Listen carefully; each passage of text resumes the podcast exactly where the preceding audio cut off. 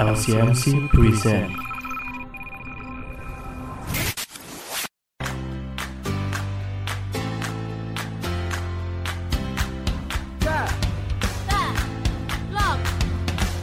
Kabar terbaru dari library lo guys. Hai UC People, selamat datang di Katalog, kabar terbaru dari Library lo guys. Gimana nih kabar kalian UC People? Harus tetap semangat ya di masa-masa pandemi, di masa pancaroba, tetap semangat. Gimana nih Lan? Apa kabarmu? Puji Tuhan luar biasa, sehat-sehat. Alhamdulillah. Alhamdulillah. nah, ada pepatah kan bilang gini ya, nikmati hidup selagi masih muda. Nah, biar anak-anak muda ini masih bisa menikmati hidup, pastinya kan harus dalam kondisi yang sehat ya. Iya bener. Makan enak. Makan enak itu kalau eh, sakit jadinya nggak enak. Gak enak belas. kan? Gak enak. Mau makanan hotel bintang 5 juga kalau sakit nggak enak kan jadinya. Tetap gak ada rasa pengen makan. Benar. Jadi memang harus kondisi badan tuh harus fit. Harus fit. meskipun kita lagi masa pandemi gini kan. Nah kalau ngomongin soal fit nggak fitnya badan kita, kita harus ketemu pakarnya. kan. Iya, apalagi Karena kita bukan dokter. Iya Betul. benar. Apalagi di bulan ini kan kita bakal memperingati Hari Kesehatan Nasional ya dok. Oh, Lan, ya. saya bukan dokter loh. sorry sorry. Saya Dokternya ada. Iya iya oke oke. Tanggal berapa itu? Itu nanti kita peringati di tanggal 12 November, Lan. Oh, Oke. Nah ngomongin soal kesehatan, kita sudah mengundang langsung kedatangan langsung seorang dokter. Nanti biar Pak dokternya yang memperkenalkan diri sendiri ya. Saya takutnya Oke. salah nanti. Iya nanti kalau salah kita Benar. dituntut bahaya. loh. Bener kan? Sekarang nuntut-nuntut gampang ya. Iya sekolahnya mahal-mahal. Nah, jangan sampai salah nyebutnya. Jadi nanti kita akan eh, bertanya, ngobrol soal gimana caranya menjaga kesehatan yang tepat supaya kondisi tubuh kita itu tetap oke meskipun di Oke. masa pandemi. Langsung saja perkenalan dulu. Halo dokter, boleh Halo. diperkenalkan. Selamat sore semua, saya Sore. kenalkan saya Dr. Johan Christian Suisan, saya dokter spesialis rehabilitasi medik atau kalau sekarang nama kerennya kedokteran fisik dan rehabilitasi. Oke, Tuh, saya eh, salah satu staf di UC di Fakultas Kedokteran. oke. Oke dok. Kalau selain di UC ada kesibukan apa dok? Mungkin Ya. buka praktek atau kalau buka praktek sementara masih masa pandemi gini kita membatasi ya memang ya. Oh. Apalagi kan pasien-pasien rehabilitasi medik juga bukan pasien yang gawat daruratnya, jadi bisa ditunda kedatangannya. Jadi memang eh, kami dari rehabilitasi medik memang saat ini sedang membatasi Hmm.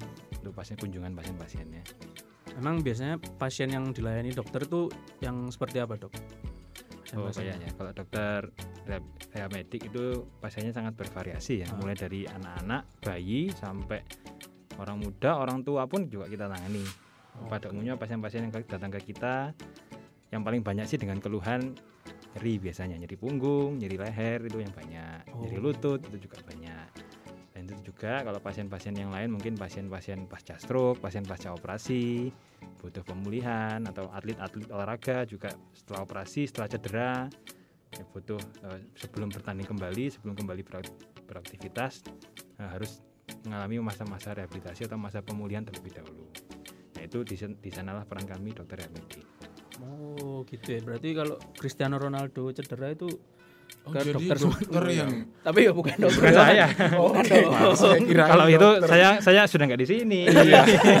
Messi gitu ya. Oh, saya sudah tidur di hotel sekarang. nggak mungkin kita bisa Iya, nih dokter ke sini. Sibuk loh kalau ini. Lebih Iya. mahal nanti. Iya. Oke oke oke. Berarti eh, pasien untuk usia-usia muda banyak juga dok ya Banyak, perlu banyak. rehab rehab gitu. ya usia muda ini beberapa staff di sini juga beberapa kali sudah ada yang yang konsultasi dengan saya Oke dok, kalau misalnya saya mau konsultasi nih ya berbayar dok. waduh kalau asal asal selama pakai keplek UCC gratis aja Woi. siap nih untuk teman-teman UC kalau lagi pengen Iya. rehab apa pun itu ya dok ya. Iya. Konsultasi ya. Silakan. Silakan nyeri, nyeri tangan, nyeri punggung, nyeri leher, nyeri kaki itu banyak. Kalau nyeri kepala lagi mikir utang nggak apa-apa ya. Kalau itu nanti pinjam ATM-nya Bang Roland saja. yang, yang penting keplek UC nggak hilang. ya kan? Oke siap. Kalau lupa naruh di mana kan repot. Waduh, ya. susah ini. repot ya. Nah gini dok, nah eh, UC people nih mayoritasnya nih anak muda nih dok. Betul. Nah kebetulan nih ada juga teman saya nih dok. Dia sering ngeluh soal kesehatan. Padahal masih muda loh dok. Hmm. Udah kena koles- kolesterolnya tinggi, darah darah gulanya juga tinggi. Itu menurut dokter kira-kira apa sih penyebabnya dok? Ya kalau memang eh, pada umumnya penyakit-penyakit seperti kolesterol, darah tinggi, eh, diabetes atau gula darah tinggi itu kan semua orang rata-rata bilang oh ini karena gaya hidupnya tidak sehat. Namun kalau karena gaya hidup tidak sehat itu pada umumnya terjadi pada pasien usia kalau zaman dulu 40 40 tahun ke atas. Tapi kalau zaman sekarang usia 30 tahun ke atas sih sudah ada ya karena pengaruh gaya hidup. Namun pada anak pada orang-orang yang muda selain pengaruh gaya hidup juga perlu dipertimbangkan faktor lain ya. Karena seorang jadi sakit itu bukan hanya semata-mata karena faktor gaya hidup saja tapi juga bisa ada faktor bawaan misalnya. Jadi ada ada tuh teman saya saudara saya istri saya bahkan juga eh, sejak, sejak muda sejak usia 20-an kolesterolnya sudah tinggi. Tapi memang dari ayahnya dari neneknya itu semua riwayatnya memang kolesterol tinggi jadi terus juga ada orang yang gula darah tinggi bahkan sejak lahir ada. Gula darahnya tinggi diabetes sejak lahir ada. Genetik gitu Iya, ya bawaan dari lahir memang ya. Jadi kita tidak bisa menjudge seseorang kalau misalnya masih usia muda terus ada kondisi-kondisi seperti tadi wah kasih kamu gaya hidupnya nggak sehat. Ya oh, belum tentu ya. karena banyak sekali faktor yang berperan memang. Hmm. namun memang yang paling sering yang paling banyak menyebabkan itu adalah faktor gaya hidup yang tidak sehat kebanyakan itu. betul Nah kalau misalnya nih dok, kalau sudah ada bawaan, tapi gaya hidupnya cenderung sehat, maksudnya itu bisa apa ya, meminimalisir atau hilang bahkan Ya. atau gimana? betul sekali banyak banyak juga kok pasien-pasien orang-orang yang sudah lebih sadar ya berwawasan lebih tinggi lebih maju sadar kalau orang tuanya misalnya ada darah tinggi ada kolesterol jadi dia sudah dari sejak muda sudah menjaga pola hidupnya sehat ya dengan olahraga makan yang makan yang bergizi menghindari makanan yang eh, berpotensi menyebabkan kondisi-kondisi tersebut dia eh, akan apa kalau tadi bang Roland bilang eh, terhindar dari kondisi Hmm. tersebut ya bisa atau mungkin ataupun misalnya sampai mengal- mengalami kondisi atau penyakit yang sama tapi eh, tingkat keparahannya minimal Oh. seperti itu Kita bisa mengurang- mengurangi dengan cara olahraga gitu ya, Bisa. makan. betul salah satunya adalah itu Terus ini dok, kan ini kalau kata orang tuh olahraga tuh buat tubuh sehat nih dok. Nah, kalau di masa pandemi ini olahraga yang kayak gimana dok yang baik? Apakah eh, wak- apa durasi juga itu mempengaruhi? Kalau terlalu sering olahraga bisa buat daya tahan tubuh lemah atau gimana? betul ya Eh, sering kali kalau kita sebagai orang awam kan taunya obat yang namanya obat itu ya bentuknya pil kapsul sirup yang diminum tapi sebenarnya olahraga itu juga termasuk obat loh Mau. ya. bahkan di dunia kedokteran di fakultas kedokteran sendiri juga punya mutu salah satu mutunya kan exercise is medicine jadi latihan atau olahraga itu adalah obat nah karena namanya obat berarti kalau kita minum obat pasti ada aturan minumnya Hmm. Nggak boleh kita minum obat ah hari ini minum ah besok enggak wah saya mau hari ini mau minum langsung lima nanti malam nggak usah gitu kan Biar langsung sembuh. langsung sembuh ya kan nggak bisa gitu ya obat itu langsung ada hilang. hilang. hilang Senyawa-nyawanya terbang semua iya terbang semua. Jadi olahraga itu juga ada dosisnya sama seperti kita minum obat. Ya. Dan tadi seperti ditanyakan juga benar ada berapa lama waktunya ya olahraganya jenisnya apa itu semua sangat mempengaruhi. Kalau Oke. untuk eh, daya tahan tubuh eh, kan zaman sekarang juga lagi santer-santernya ya didengungkan olahraga teratur untuk meningkatkan daya tahan tubuh, menjaga iya, betul. supaya tidak kena corona. Nah, betul. Mungkin perlu saya sedikit koreksi ya. Olahraga itu tidak mencegah seseorang terjangkit virus corona Enggak Oke. menjamin ya, dok. supaya gimana caranya supaya ya, kita bisa eh, terhindar dari virus corona ya seperti biasa jaga jarak cuci tangan pakai masker ya. tetap Tetap ya. protokol Masjid- kesehatan wah saya sudah olahraga rutin saya jalan-jalan ke rumah sakit ah nggak pakai masker gitu. ya nggak bisa ya Oke siap dok. jadi olahraga itu bukan eh, menghindari bukan eh, mencegah kita kena corona tapi olahraga meningkatkan daya tahan tubuh ya mencegah sama seperti yang didengungkan pemerintah selama ini juga tetap itu ya namun olahraga bisa meningkatkan daya tahan tubuh nah olahraga seperti apa yang Hmm. bisa meningkatkan daya tahan tubuh kan itu pertanyaannya ya Ya. Nah, kalau olahraga eh, olahraga itu sebenarnya secara garis besar bisa dibagi tiga ya olahraga ringan olahraga tingkat sedang dan olahraga eh, berat untuk mengetahuinya sederhana olah- olahraga ringan itu kita sambil melakukan aktivitas tersebut kita masih bisa bernyanyi-nyanyi ya, bersiul Hmm. Nah, itu berarti olahraganya masih ringan Ya. kita, kita sambil lari-lari kecil pagi tapi kita bisa sambil nyanyi dengarkan headphone wah itu berarti masih Masih ringan ringan. ya. Kalau olahraga yang sedang apa? Kita masih bisa ngomong lancar. Tapi kalau disuruh nyanyi satu kalimat panjang, waduh, Udah nggak ngos-ngosan. kuat ya. kalau olahraga berat apa? Sam- olahraga berat itu sampai mau ngomong aja susah. Sudah gitu. nggak bisa ya. Bisa. Fokus olahraga. Ya bang, bentar. Oke. Saya minum dulu ya. Nah, itu berarti olahraganya Berat berat. banget ya. Kalau untuk daya tahan tubuh meningkatkan daya tahan tubuh itu justru bukan olahraga yang berat tapi olahraga yang sedang. Oh. Kalau olahraga yang terlalu berat eh, itu justru malah penelitian kita menyatakan bahwa itu dapat eh, menurunkan daya tahan tubuh Hmm. karena itu eh, berpotensi untuk merusak tubuh ya. Tapi kalau olahraga sedang itu dapat meningkatkan eh, daya tahan tubuh. Kemudian selain jenis olahraganya juga ada eh, durasinya waktunya. Ya. Kalau olahraga olahraga intensitas olahraga dengan eh, tingkat yang sedang seminggu sekali aja 10 menit ya percuma ya. Sama seperti obat ada waktunya yaitu wak- waktu yang disarankan oleh eh, banyak buku, banyak jurnal, banyak penelitian mereka menyarankan bahwa untuk meningkatkan daya tahan tubuh olahraga yang disarankan adalah olahraga tingkat sedang dengan durasi 20 sampai 30 menit dilakukan setiap 3 sampai 5 kali dalam seminggu. Oke. Ya. Jadi 20 sampai 30 menit dilakukan seminggu 3 sampai 5 kali. Ya.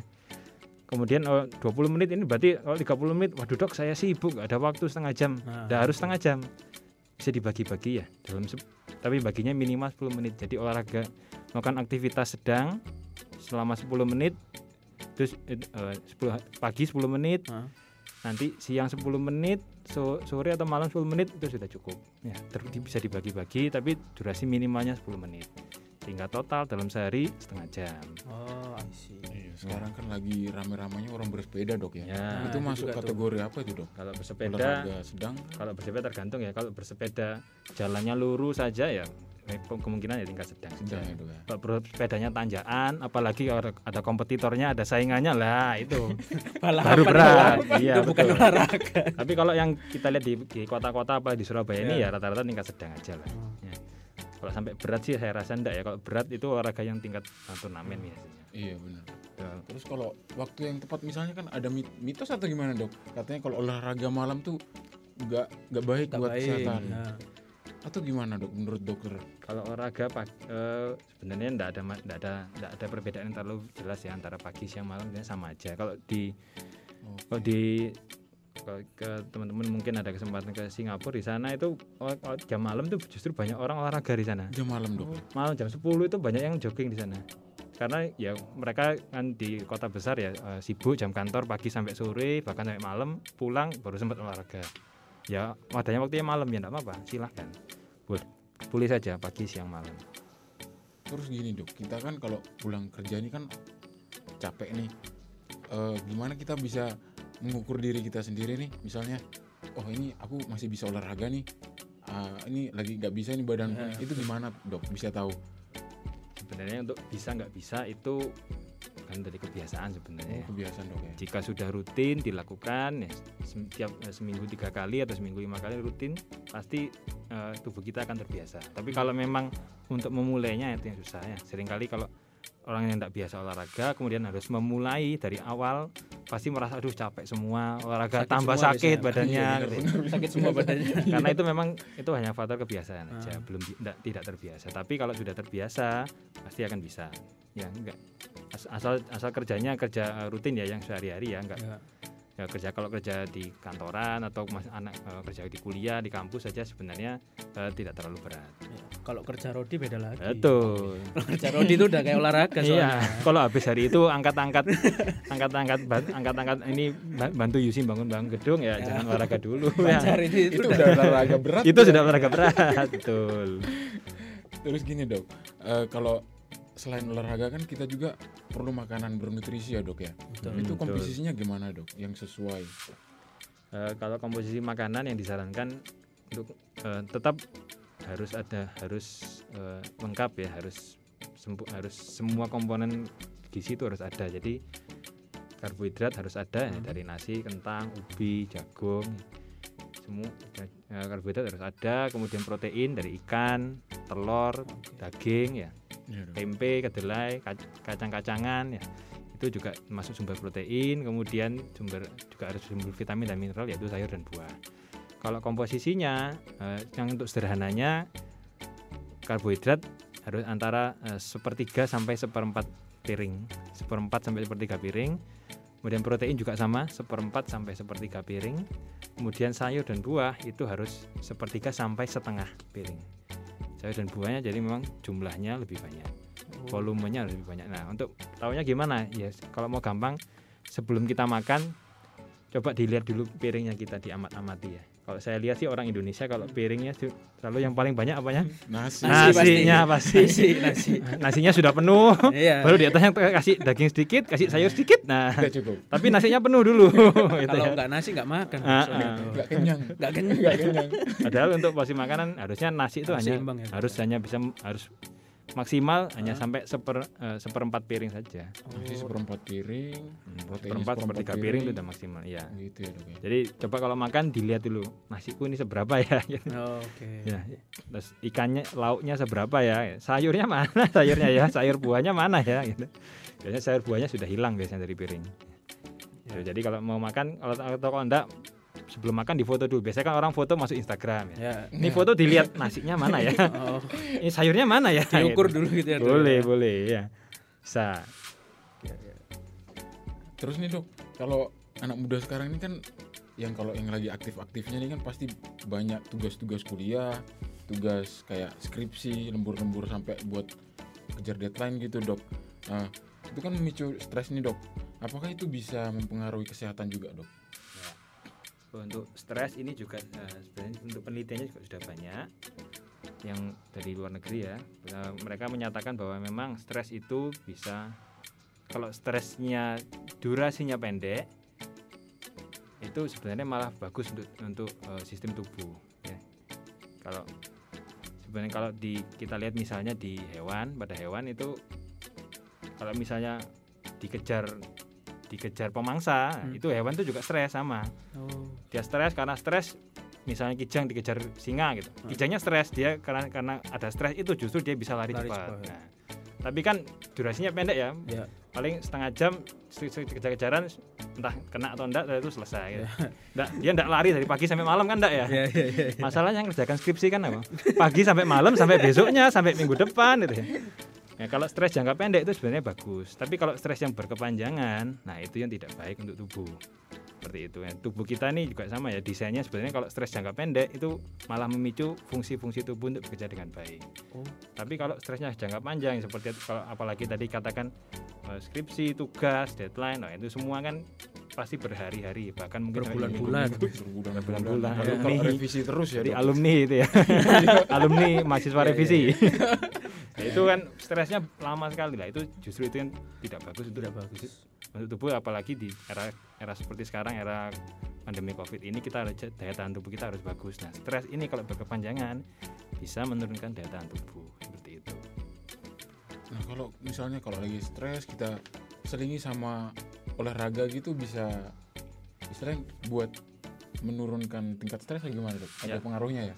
ya betul kalau eh, setelah olahraga itu ada hormon-hormon ter- hormon-hormon tertentu yang meningkat dalam tubuh hormon endorfin seperti misalnya itu itu dapat meng- mengurang mengurangi atau menurunkan stresnya kalau Iya. artis-artis di luar artis-artis ini kan bara- sekarang banyak yang kena ketangkep pakai narkoba gitu kan oh iya itu kan karena stres dia pakai narkoba pakai morfin untuk eh, meng- Menghilangkan menghilangkan stres. stresnya nah sebenarnya tubuh kita tuh bisa memproduksi morfin sendiri Oh iya dok ya? nggak usah pakai kalau usah. nggak usah dari luar tapi kapan kapan morfin alami tubuh itu keluar? Kalau kita setelah berolahraga.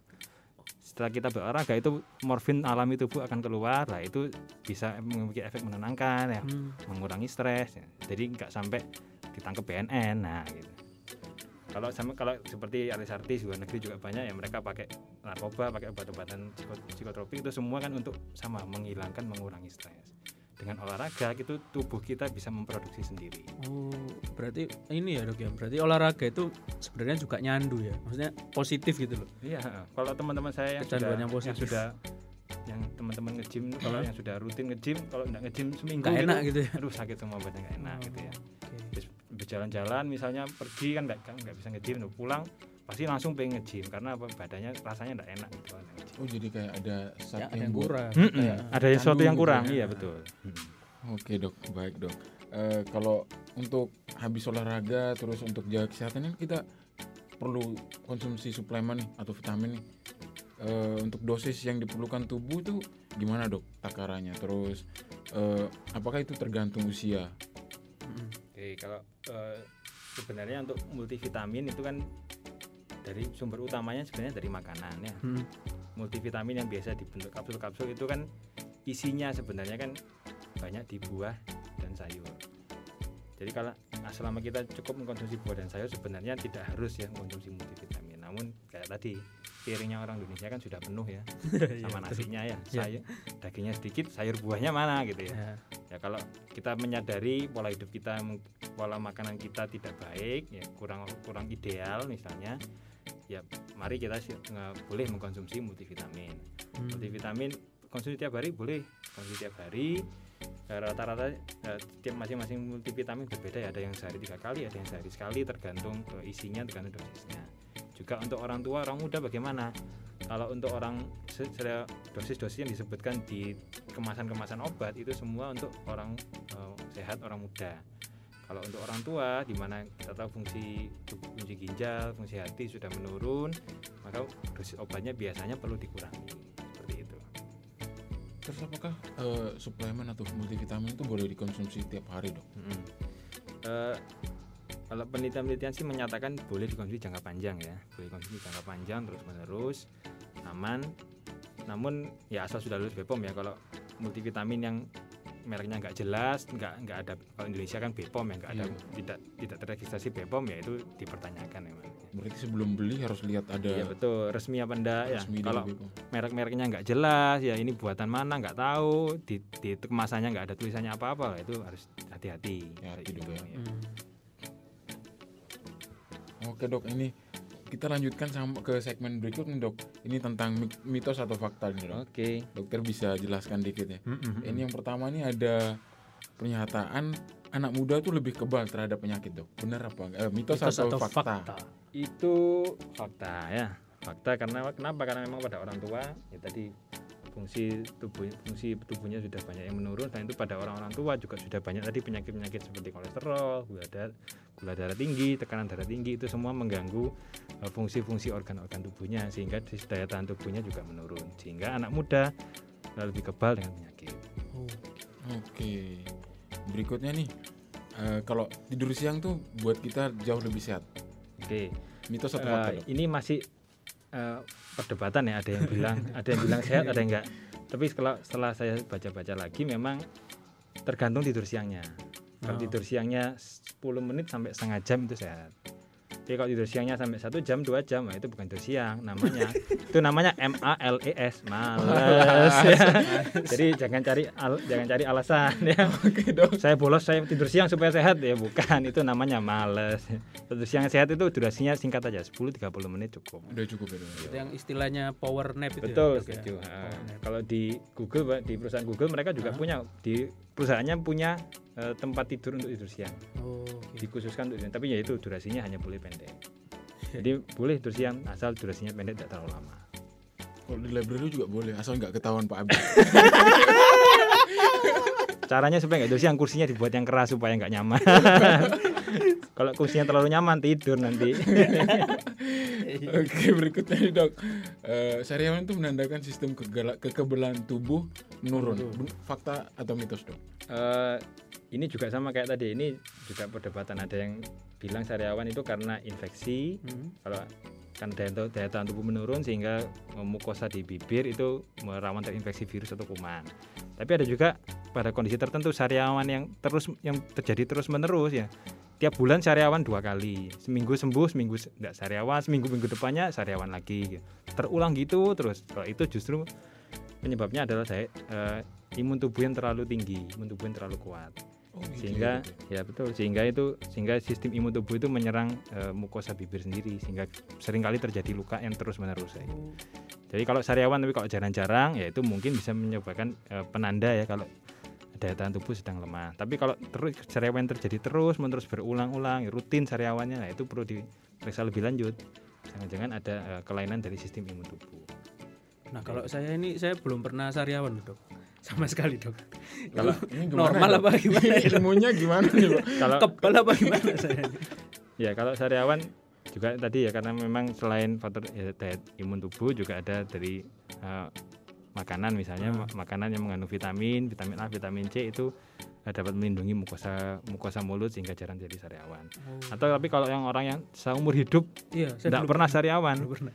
ya itu tadi berarti memang sistem imunnya sedemikian rupa sehingga eh, mukosa bibirnya ini tahan terhadap virus atau bakteri yang menyerang yang menyebabkan sariawan wah puji Tuhan dong ya Berarti kuat dong. ya Waduh. itu saya juga. Iya, iya, iya. Terus ini dok, eh, coklat itu menyebabkan jerawat. Mitos, mitos atau atau fakta? fakta Nah, sama lagi ini juga Oh. pertanyaannya yang dipilih ini semua susah-susah ya belum terbukti semua ya, kontroversial semua Kontroversial ya dok ya. kalau orang awam semua bilang coklat bikin jerawat. Oh. tapi kalau orang medis penelitian yang eh, yang penelitian yang valid itu semua sampai sekarang sih menyatakan oh coklat itu nggak nggak bikin jerawat ya ada penelitian yang, yang hasilnya oh setelah makan coklat terus jadi jerawatan ada tapi itu makan coklatnya selama sebulan tiap hari silver queen satu batang. Jadi pengganti nasi lah itu bisa bikin jerawat. Itu terus akhirnya jerawatan saya baca ya pantas aja Terus malas cuci muka. tiap hari minum makan coklat seba, satu batang silver queen selama seming selama sebulan. Waduh ya nggak ada sih orang kayak gitu ya. Itu nggak cuma jerawat diabetes iya makanya yang lain-lain. Iya. Kok kok malah mikirin jerawat ya? Mikir yang lain sebenarnya. Jadi kalau eh, sebenarnya tapi yang di teorinya sampai sekarang yang bertahan itu sebenarnya bukan coklatnya tapi gulanya wah gula ya. gula yang tinggi itu bikin inflamasi bikin jerawat bukan coklatnya bukan coklat ya coklat ya itu jadi kambing hitamnya aja ya. Ya. Kalau makan yang manis yang lain yang bukan coklat ya bisa memang jerawat sama. Nggak harus coklat. Tapi yang makanan manis itu bisa memang jerawat. karena mungkin kita ini kan jarang ya dok beli coklat terus lihat kandungan apa nutrisinya itu kan Iya, padahal gulanya juga tinggi Gulanya tinggi, heeh, betul. Oke, selanjutnya nih eh, makanan fi- Makan seafood, seafood. makan seafood eh, nggak boleh minum jeruk. Mitos fakta? ini Ini kalau untuk orang sehat mitos. Tapi kalau untuk orang yang punya sakit mah fakta. iya, karena si- asam ya ini Iya jeruk. betul, karena jeruk itu kan asam ya. Hmm. Iya. Terus seafood itu seafood itu juga pada untuk orang-orang yang punya sakit mah yang sudah berkepanjangan. Memang juga seafood ini salah satu yang dapat memicu munculnya meningkatnya asam lambung. Ya. Jadi dengan kalau kita makan seafood terus minum jeruk semuanya bersifat asam, nanti eh, asam lambungnya tinggi, asam lambungnya tinggi, muncul keluhan mah atau dispepsia. Tapi kalau orang yang biasanya makan sambal lombok 100 ya mau dikasih makan si minum makan seafood sambil minum jeruk ya enggak masalah ya. Kalau yang orang yang kuat pedes tahan pedes ya enggak masalah. Tapi kalau orang yang kena kena sambelnya ABC aja langsung perutnya sakit langsung mencret-mencret nah justru ini sama. Kalau dia makan seafood sambil minum jeruk pasti kumat ya Kayak bunuh diri ya itu mah akut itu. Betul. Terus ini dok, eh, kebanyakan makan cabai dapat membuat usus buntu. Mitos atau fakta? Itu penelitiannya nggak ada tapi dari kalau dari pasien-pasien yang ditanya gitu ya pasien-pasien yang yang keluhan usus buntu itu rata-rata suka pedes memang. Suka pedes. iya kalau pasien usus buntu ya kalau usah jauh-jauh ya pengalaman saya sendiri sama kerja waktu dokter umum dulu. Kalau pasien usus buntu gitu ya usus buntu sebelum operasi tanya-tanya di anam saya anamnesa tanya-tanya pasti rata-rata sih doyan pedes rata-rata memang. Gitu ya. Tapi ada juga yang menarik lain. Kalau orang yang enggak orang yang nggak doyan pedes nggak suka pedes sama sekali Hmm. terus rata-rata banyak rata-rata banyak jadi eh, kena kanker usus.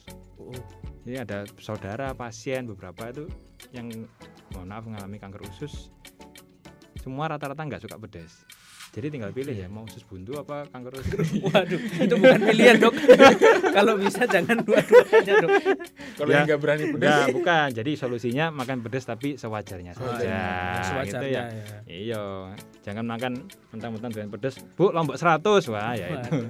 Cari, cari penyakit. Iya, betul. konten Tapi kalau masih yang normal-normal Normal, aja ya. nggak apa-apa. Ya itu bagus. yang secukupnya lah dok Betul. Ya, ya. terus nih dok, eh, minum 8 gelas per hari makin sehat. Mitos atau fakta? Fakta Ya, ini nih fakta kayaknya, ya. fakta Benar ya, ya. fakta kan tubuh kita ini kan tubuh kita ini 60 sampai 70% itu air isinya. Hmm. dan air itu keluar lewat mana lewat kencing lewat keringat kita ngomongin air keluar nih. jadi untuk mengganti air yang keluar harus ada air yang masuk air yang masuk dari mana ya dari minum ya kalau orang kita masih sehat ya minum kalau sudah sakit ya diinfus kita masih sehat harus minum minumnya berapa dari penelitian-penelitian menyatakan memang eh, 8 gelas ini maksudnya 8 kali eh, 500 cc ya Ah. jadi tiga tiga duit 3 sampai 4 liter itu yang untuk eh, minum sehari-hari. Tapi saya ada punya temen tuh dok. Dia katanya sih, katanya dari kecil itu tidak biasa minum air putih.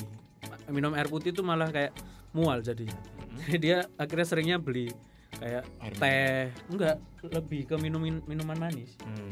Teh gitu setiap hari soda.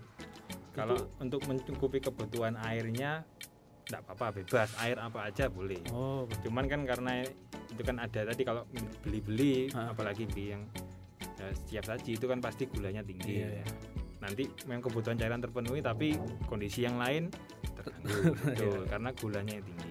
Tapi Oh. untuk airnya terpenuhi terpenuhi. oh, oke. Boleh aja bebas asal selama masih cairan ya.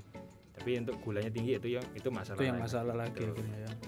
Oh iya dok, kalau ini soal gula nih dok, kalau kita mau tahu manis buatan sama manis alami itu kayak gimana, terus ngefeknya ke diabetes gimana? Apakah Kalau- sama aja kalau manis buatan sama alami? Kalau eh, taunya gimana yang paling gampang sebenarnya ya di- dibaca ya. Baca kandungannya apa ya. Iya. Tapi kalau untuk yang kalau di, diincip rasanya gimana ya terus terang saya sendiri sih eh, nggak nggak pernah tahu dan penelitian-penelitian sih selama ini nggak ada yang mengarah ke sana. Cuman kat- kalau kata orang-orang kan sering banyak sering bilang kalau oh gula manis buatan serik Hmm. bikin tenggorokan sakit Iya, iya, sering. itu bikin bikin panas dalam itu katanya gitu ya kalau efeknya apa Eh, sama kalau untuk misalnya dengan orang kondisi yang sudah sakit misalnya dengan diabetes mau manis buatan mau manis alami sih sama aja sebenarnya ya sama-sama sama gula Sama meningkatkan gula gula, ya. darah sama jadi mentang-mentang diabetes oh saya pakai oh, ini manis buatan kok ini bukan bukan gula ini manis buatan aman untuk diabetes terus saya saya minum saya minum 5 sendok Banyak juga. Ya, sama, Sama aja, aja ya Iya, iya. jangan mentang-mentang oh ini manis buat manis ini aman diabetes ya enggak ya bukan gitu juga ya Mentang-mentang oh tebu ini sehat. Sehat, Terus bener, banyak bener. sama aja dong. Sama aja. Tuh. jadi semua yang berlebihan, Berlebihan nggak nggak bagus. baik. Ya, baik. Terus ini yang terakhir nih dok, Hmm. Eh, minum air es bisa bikin perut buncit. Nah ini Mitos atau fakta ini dok? saya penasaran karena saya buncit dong. Saya kayaknya bakal buncit nih. kalau ini sih sebenarnya mitos ya Oh, Nah, mitos. tapi mungkin air es itu bisa bikin kembung ya kalau kembung terus kesannya perutnya penuh jadi Sedikit terlihat buncit, buncit, kan, iya. merasa buncit ya itu ya cuman kalau bikin eh, bikin secara bikin bikin jadi buncit orang yang orang yang kurus orang yang tiba-tiba minum air- minum air es terus langsung buncit ya enggak ya tapi bisa bikin kembung, Kembung ya. gasnya meningkat sehingga terlihat seolah-olah perutnya besar ya Oke. Oke dok. Berarti aman. Minum boleh RS silakan. aman. boleh boleh air es nggak masalah Jadi ini mitos ya dok ya. Hmm. Jadi teman-teman yang mau pengen gemuk bukannya minum es ya. Jangan. nanti gemuk Itu angin cuman itu. kembung. gemuk angin nanti Paling kencingnya jadi banyak kan.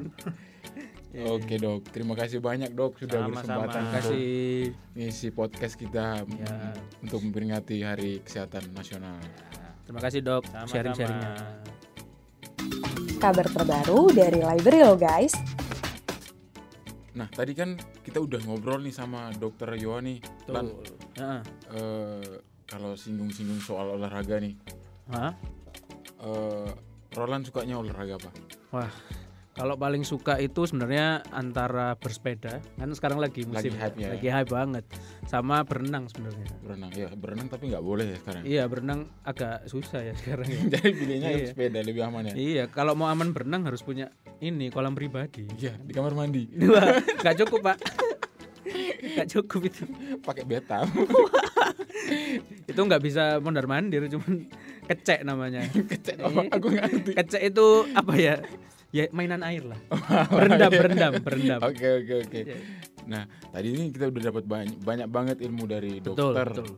Eh, kita jadi makin tahu nih kalau mau hidup sehat itu memang nggak instan ya Ron ya. Ya, nggak instan, tapi juga nggak susah sebenarnya kan. Iya iya. Asal punya niat Punya sebenarnya. niat buat mulai. Betul. Jadi kita biasakan itu jadi lifestyle. Hmm, betul. Keren katanya lifestyle. Lifestyle. Kabar terbaru dari Library lo guys. Buat teman-teman UC people nih yang masih bingung gimana harus mulai hidup sehat, Hmm. kayaknya nih bisa mulai dengan membaca koleksi di UC Library ini. Oh, Lan, ada banyak ya. ini bukunya Oke, soal untuk menjaga kesehatan. Hmm. Untuk koleksi yang pertama nih ada buku yang berjudul Human Nutrition: Science for Healthy Living. Nah, di buku ini nih kita bisa eh, buku ini pas banget nih buat UC people yang mau cari tahu dulu tentang nutrisi yang pas buat tubuh itu apa? Oh, gitu lah jadi kalau misalnya Roland eh, pengen cari tahu tentang nutrisi tentang tubuh yang pas itu apa silahkan aja langsung pinjam bukunya. Nah di buku ini eh, semua diulas tuntas nih. Mulai dari kandungan apa saja sih yang ada di makanan? Hmm. seperti karbohi- karbohidrat protein vitamin mineral kalsium dan masih banyak lain banyak banget Oh, oke. Berarti ini ya cocok banget nih buat yang mau diet ini. nah ini cocok Nah, banget jadi kan Kebetulan saya memang ada rencana, masih rencana. Iya, katanya Mau kalau diet. diet. itu masih rencana. Masih rencana. Kan diet selalu mulai besok. Iya, selalu Iya, mulai besok. selalu mulai Sudah sampai besok besok lagi. Besok lagi, besok terus. Oh, berarti ada ini ya bukunya ya. Iya, ada bukunya. Jadi eh, Boleh misalnya nih. Ron mau eh, namanya eh, diet ya. Hmm? Berarti harus dihitung karbohidrat yang masuk itu berapa, proteinnya berapa. Oh, oke. Hmm, buku ini cocok nih buat Roland nih berarti. Oh, sampai diajarin cara menghitung kalori loh ya. Iya, bener Nah, ini cocok buat Roland kalau mau diet nih. Nah, Kabar terbaru dari Library lo guys. Buku yang kedua nih ada The 150 Healthiest 50 Minutes Recipes on Earth oh, dan buku 202, 202 jus jus buah, buah. dan sayuran. Oh, untuk menjaga kesehatan dan kebu- kebugaran Anda. oke. Nah, dari dua buku ini nih pas banget buat UC people yang lagi di rumah aja dan suka ngolah makanan, yang suka masak bisa baca buku ini nih buat cari referensi menu-menu sehat yang bisa dicoba di rumah. Betul. Hmm, bahan-bahannya ah. juga nih mudah kok ditemui di pasar. Mungkin yang nggak suka makan sayur kan. Ya, Padahal kan tadi dokter bilang harus ada sayur harus dan ada buah sayur, ya. iya, Mungkin biar kalau males di jus aja kan enak. Iya, bener. Nah, tinggal minum ya kan. Daripada capek-capek ngunyah. Iya. Mungkin kadang itu karena nggak mau makan sayur karena lihat bentuknya kurang asik. Iya, bener. Akhirnya di jus. Di jus. Iya. Jus kan lebih gampang. Nah, tinggal langsung masuk. Berarti Roland selama ini malas makan sayur nih. Kalau aku orangnya sebenarnya males sih enggak, cuman milih. Milih Jadi sayur milih apa sayur yang ya, eh, kalau sayurnya di warung Padang ya enak. enak ya. Seneng Aku saya. juga senang. Iya. Sama rendang. Wah, Kabar terbaru dari Library lo guys. kita lanjut buku yang ketiga nih. Eh, ada buku yang berjudul Mind or Body Health: The Effect of Attitude, Emotions, and Relationship. Oh, oke. Oh, ini Tentang bukunya- apa ini? Kayak ini bukunya tentang eh, bagaimana kita menjaga kondisi pikiran. Oh. Karena iya, iya. kondisi pikiran itu bisa mempengaruhi kesehatan fisik juga. Gitu, Roland. Iya, iya. Berarti memang apa harus sejajar ya, sehat mental, sehat Iya, fisik sehat juga. mental, sehat, eh, sehat fisik tuh harus dijaga. Benar, benar, benar. Karena seperti tadi yang kita udah bahas sama dokter, Hmm, eh, stres itu juga harus diimbangi, Dikendalikan ya. dikendalikan, benar. Benar, benar, benar. Jadi kalau misalnya lagi stres, teman-teman bisa di dalam buku ini diajarin juga ini gimana caranya eh, terapi bisa melalui meditasi. Oke. Saya Roland, sendiri jarang sih meditasi. emang pernah? Eh, Nggak bisa konsentrasi soalnya. Oh iya itu kan harus apa pakai Iya. musik gitu ya? harus kayak yoga gitu kan harus tempat yang tenang gitu Iya. kan.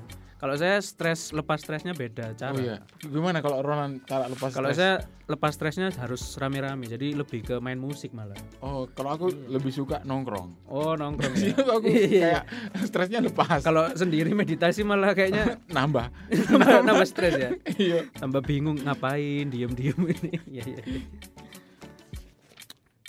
Oke, UC People itu beberapa buku yang kita sarankan buat UC People baca. Kalau UC People tertarik boleh langsung ke library untuk kunjungi untuk meminjam buku-buku yang kita sebutkan tadi. Gitu Roland. Kabar terbaru dari Library lo guys. Oke deh UC People, semoga kita bisa menjalani gaya hidup yang jauh lebih sehat dari sekarang ya. Amin. Amin. Nah, buat UC People yang pengen pinjam buku yang tadi kita sudah sebutkan untuk nih saya ingatkan nih untuk buku Human Nutrition Science for Healthy Living kalian boleh cek nanti boleh cek di library di rak eh, di call number 612.3 STEH. Nah, ini perlu diperhatikan nih cara cari yang gak- lebih gampang Nah, nih biar Roland. cepet ya. Biar cepet, langsung benar. Yang kedua, The 150 Healthiest Healthiest 15 15 Minutes Recipes on Earth itu call numbernya 641.55 BOWO. Oke. Oke, untuk buku 202 jus buah dan sayuran untuk menjaga kesehatan dan kebugaran itu boleh eh, call numbernya 641.875 WIRD. Oh, ya siap siap. Oke, untuk buku yang terakhir nih, Mhm. eh, Mind or Body Health: The, Effect of Attitude, Emotions, and Relationship itu call numbernya 616.0019 MIN. Jadi teman-teman kalau mau pinjam biar gampang carinya boleh lihat eh, boleh lihat ke call numbernya. Wah, seru sekali ya. Jadi banyak literatur sebenarnya di Iya. library itu yang bisa kita pinjam ya kan. Hmm, untuk jaga kesehatan Mm-mm. kita semua nih. Supaya kita bisa menikmati masa muda kita dengan lebih sehat. Iya, kalau masa muda sakit-sakitan kan gimana? Nah, kan jadi nggak seru ya. Gak seru orang lain jalan-jalan kita di rumah sakit. Bener kan jadi nggak enak. Nah, you see people itu tadi katalog edisi kali ini. Terima kasih yang sudah mendengarkan. Sampai ketemu di katalog selanjutnya. Sampai ketemu isi people. Bye. Bye. Brought to you by LCMC and UC Library.